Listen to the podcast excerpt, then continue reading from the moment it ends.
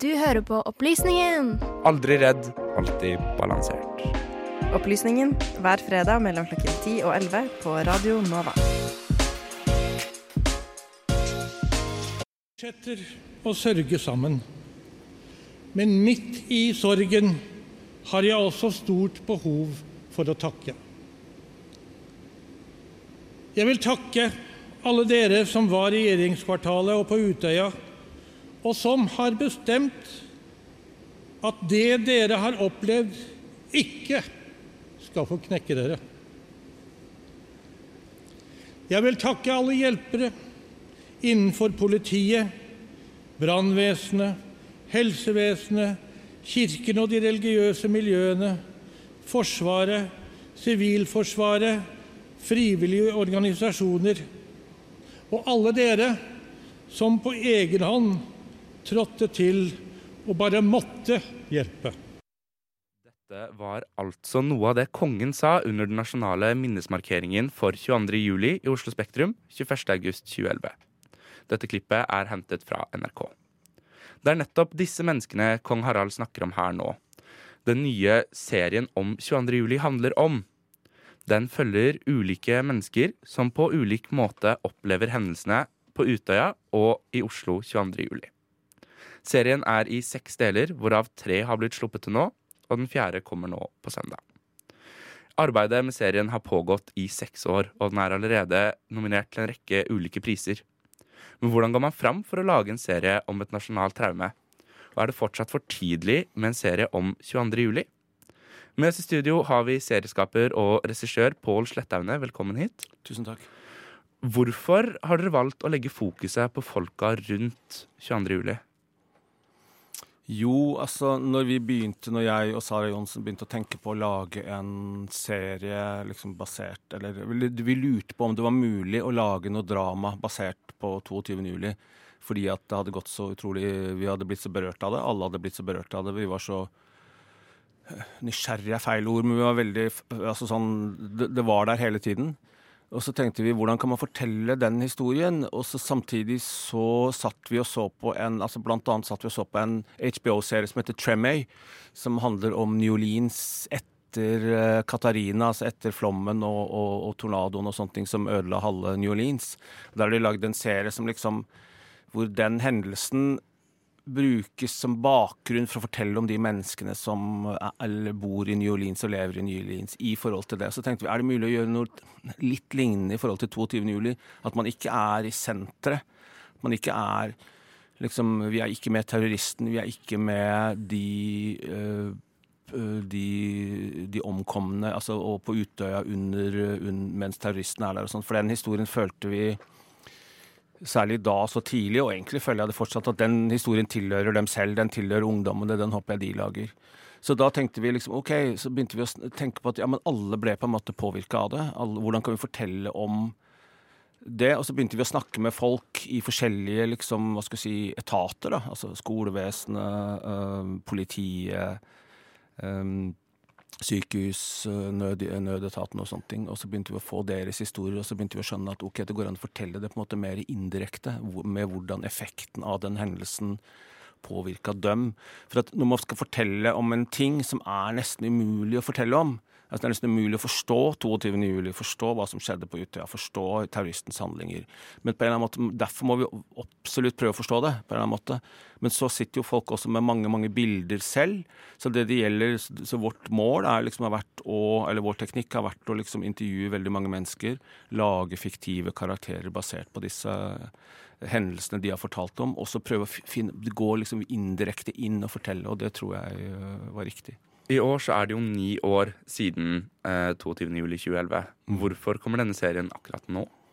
Altså Det er litt eh, Det har tatt veldig lang tid å utvikle den, eh, og det har vært eh, veldig bra. Altså sånn vi har jobbet, Jeg og Sara er jo frilansere, så vi liksom gikk til NRK med dette i, på vinteren 2013. For det første så tar det jo lang tid å utvikle et svært prosjekt, men vi har også brukt, vi har brukt nesten to år på å snakke med folk og tenke og vurdere. så at jeg tror at den, den kommer nå både på grunn av at vi har trengt den tiden, mm. og, og, jeg tror også at, den, at det virker jo sånn når man ser på reaksjonene, at den kommer på et slags riktig tidspunkt, da, hvis man kan si det.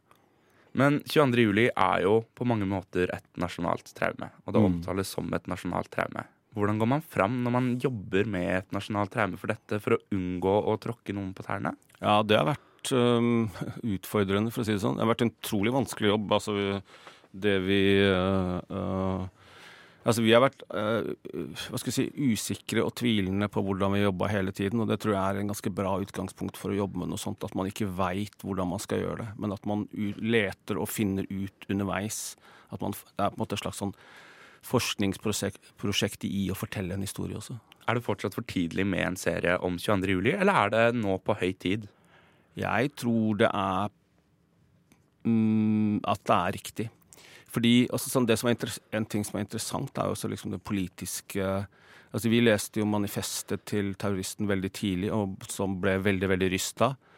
Når vi skulle nå lese det om igjen, for vi skulle ha noen enkeltsitater som de skulle bruke i serien, så var det det som er nesten, altså sånn Selvfølgelig er det fortsatt sjokkerende, men det som også er rystende, er på en måte at hvor mye av det som i 2011-2012 opplevdes som helt vanvittig, det er liksom gått inn i et slags sånn politisk hverdagsspråk nå. Veldig mange av de holdningene. Fordi i serien så er det jo en eh, hva kan man si, høyreekstrem blogger, hvis man Mm. kan si det sånn, spilt av eh, Fredrik Høyer.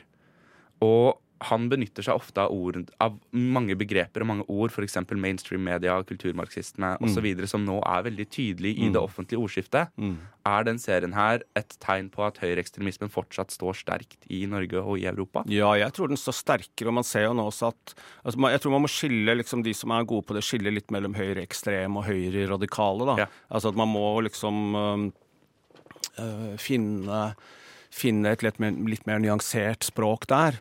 Men man ser jo liksom at øh, politikere over hele Europa, Gert Wilders Nederland, altså Ungarn, Orban altså Man ser veldig veldig mye tydeligere også her hjemme, uten å nevne navn. Er denne serien her en advarsel om hva som kan skje når radikale grupper eh, greier å skape et ekkokammer på denne måten?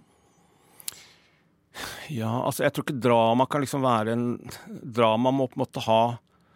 Hva kan et drama gjøre? Det er spørsmålet. ikke sant? Eh, Jeg og vi tror vel heller at det vi må gjøre, er å fortelle historier, og så må folk eh, tenke selv. Og så må de vurdere det. Men denne serien, dette er jo den første fiksjonsserien som kommer om 22. juli. Tidligere så har vi hatt to spillefilmer. En av Erik Poppe som slapp i 2017-18, og en av Paul Greengrass som slapp i fjor. Eh, I Greengrass serie så er jo Breivik en sentral rolle. Um, eller i, i Greengrass sin film så er, um, så er Breivik en sentral rolle. Poppe har tatt han litt ut, Uh, mens i deres uh, serie så er han han er nesten ikke synlig i det hele tatt. Hvor, hvorfor det?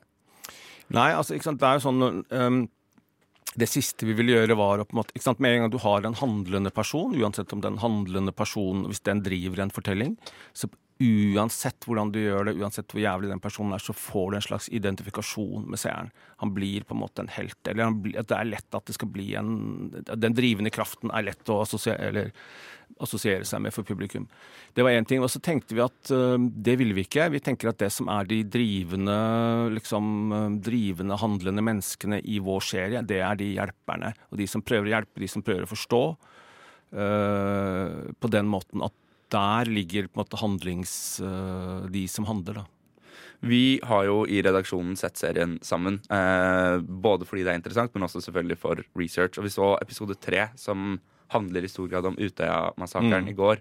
Og vi ble sittende igjen helt eh, tomme for ord og greide nesten ikke å si noe. Hva slags reaksjoner er det du har fått på denne serien? Ja, vi har fått veldig, veldig sterke og, og Men veldig fine reaksjoner. Folk har vært Altså, jeg opplever at folk er er modne for det, at de er takknemlige for måten vi forteller på. Og, så vi har fått veldig veldig gode tilbakemeldinger også fra folk som var på Utøya, og politikere som var engasjert, altså folk som var øh, førstehånds til stede. Har dere fått noe kritikk? Nei, ikke så mye. Altså sånn, ikke sånn um, Ikke som jeg har opplevd. Dette er jo en helhetlig NRK-produksjon. altså det er NRK som har produsert serien i stor grad. Har dette vært viktig for dere at det skal være NRK som står som avsender?